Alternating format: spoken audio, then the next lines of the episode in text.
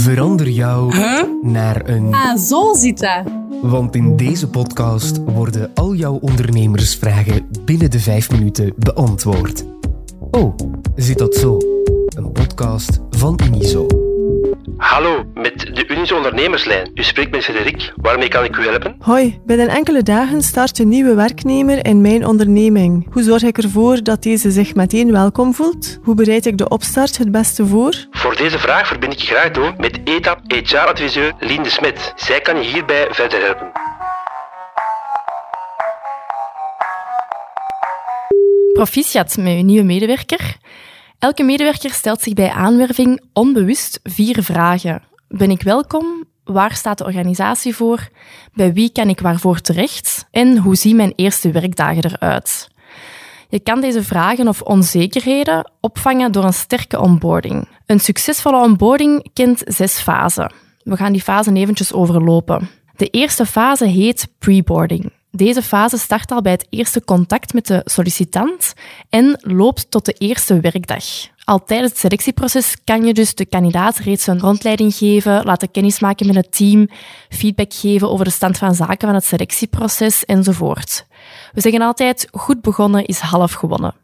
Na de contractondertekening start de voorbereiding. Breng rechtstreeks de collega's op de hoogte, regel tijdig het nodige materiaal, en maak van de soms lange opzichttermijnen gebruik om de nieuwe medewerker uit te nodigen tijdens een teamlunch. Bezorg hem of haar alvast de planning voor de eerste weken. Stuur een welkomstmail uit met de directe collega's in CC. Dat zijn eigenlijk maar een paar voorbeelden van hoe je al bij de start kunt bouwen aan binding met jouw nieuwe collega. De tweede fase van de onboarding start op de eerste werkdag. Dat is echt de ontvangst van een nieuwe medewerker. Een warm welkom houdt in dat je de nieuwe collega op de eerste dag goed ontvangt. Zorg dat iedereen tijd heeft om op een rustige manier kennis te maken. Wat hierbij kan helpen, is een onthaalbrochure. En in de bijlage van deze podcast vind je een checklist voor de inhoud van zo'n onthaalbrochure. Tijdens de derde fase, dit is de eerste werkweek, wordt de medewerker ondergedompeld in de bedrijfscultuur, de collega's, de functie, de gang van zaken. Een duidelijke planning zorgt ervoor dat de medewerker weet wie hij wanneer gaat ontmoeten. Het is al heel belangrijk in die eerste week dat er evaluatiemomenten worden ingepland. Dat hoeft niet lang te duren. Kan ook gewoon een kort moment zijn tussendoor, waarbij je even checkt hoe het loopt en of er vragen zijn. Fase 4 gaat dan in na één maand. Hou zeker dan nog vinger aan de pols. Sommigen hebben hun weg dan al gevonden en kan je al opbouwende feedback geven. Wees zeker alert voor vragen en of twijfels. Hoe voelt de medewerker zich in het team? Is alles duidelijk? Zit de opleiding op schema? Na drie maanden zijn we in de vijfde fase beland. Plan dan ook opnieuw een formeel overleg in. Dus los van de regelmatige informele gesprekken die dat je tussendoor hebt gedaan. Daarin pols je of de nieuwe medewerker zich stilaan thuis voelt in het bedrijf en overloop je de status van het werk. In de laatste fase dan tenslotte, fase 6, die vindt plaats na zes maanden, kan je terugblikken op het eerste half jaar dat de medewerker in dienst is. Bespreek zijn of haar prestaties, stel nieuwe doelen voorop en kijk ook zeker na of de medewerker ondertussen alle opleidingen genoten heeft om de job ten volle te kunnen uitvoeren.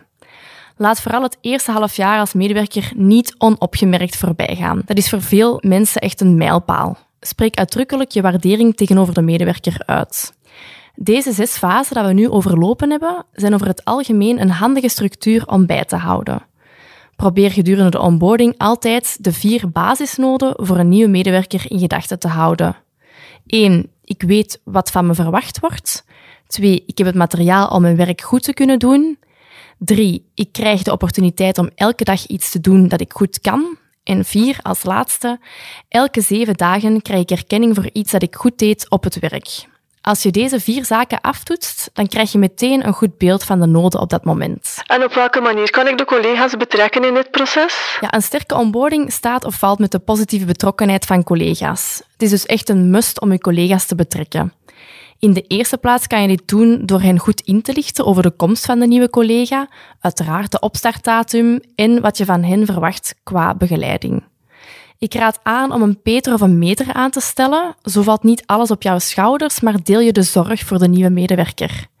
Voor de nieuwe collega zorgt dit voor een extra vangnet en het verhoogt ook de inzetbaarheid en productiviteit. Ook langs de kant van degene die beter of meter wordt, heeft dit voordelen. Hij of zij krijgt hierdoor het gevoel dat je hem of haar vertrouwt en zal verantwoordelijkheid voelen voor het opleiden en het goed voelen van de nieuwe collega. Er is dus over het algemeen meer betrokkenheid. In de bijlage van deze podcast vind je extra tips over Peter of meterschap. En organisaties zoals Idiverso bieden opleidingen aan rond mentorschap. En hoe lang mag of moet zo'n onboardingstraject duren? Of wat als ik toch merk in deze periode dat er een mismatch is met deze persoon? Ze zeggen wel eens dat de 90 eerste dagen key zijn voor een goede integratie van een nieuwe medewerker. Hoe beter een medewerker ingewerkt is, hoe sneller deze operationeel is en hoe sterker de blijfintentie. Het eerste half jaar kan je je als werkgever focussen op is de medewerker goed ingewerkt, voelt hij of zij zich thuis bij ons, is de opleiding afgerond en daarna vloeit het eigenlijk over in een retentiebeleid. Dankzij het sterke onboardingsproces dat we besproken hebben en de regelmatige feedbackmomenten zal je al vroegtijdig twijfels langs jouw kant of langs de kant van een medewerker kunnen detecteren en bespreken. Als dan blijkt dat na het vastleggen van nieuwe doelstellingen de verwachtingen en de prestaties niet matchen, dan moeten er helaas knopen doorgehaakt worden. Zit dat zo is een podcast van Unizo met expertise van onze interne diensten en partners. Je haalt de informatie aan boord over onboarding. Wil je persoonlijk advies van Lin? Surf dan naar de kanalen van Unizo of klik op de link in de show notes. De productie gebeurde door Laurens Bervoets en Babette Plessers. Eindredactie was in handen van Philip Horemans, Jurgen Muis en Jasmina Plas. Ben je lid van Unizo? Dan kan je net zoals de ondernemers in deze podcast contact opnemen met de ondernemerslijn voor gratis advies. Dat kan gemakkelijk op het nummer 02 21 22 678. Wil je beroep kunnen doen op onze in-house expertise? Maar ben je nog geen lid van Unizo? Ga dan voor samen ondernemen en surf als de bliksem naar www.unizo.be.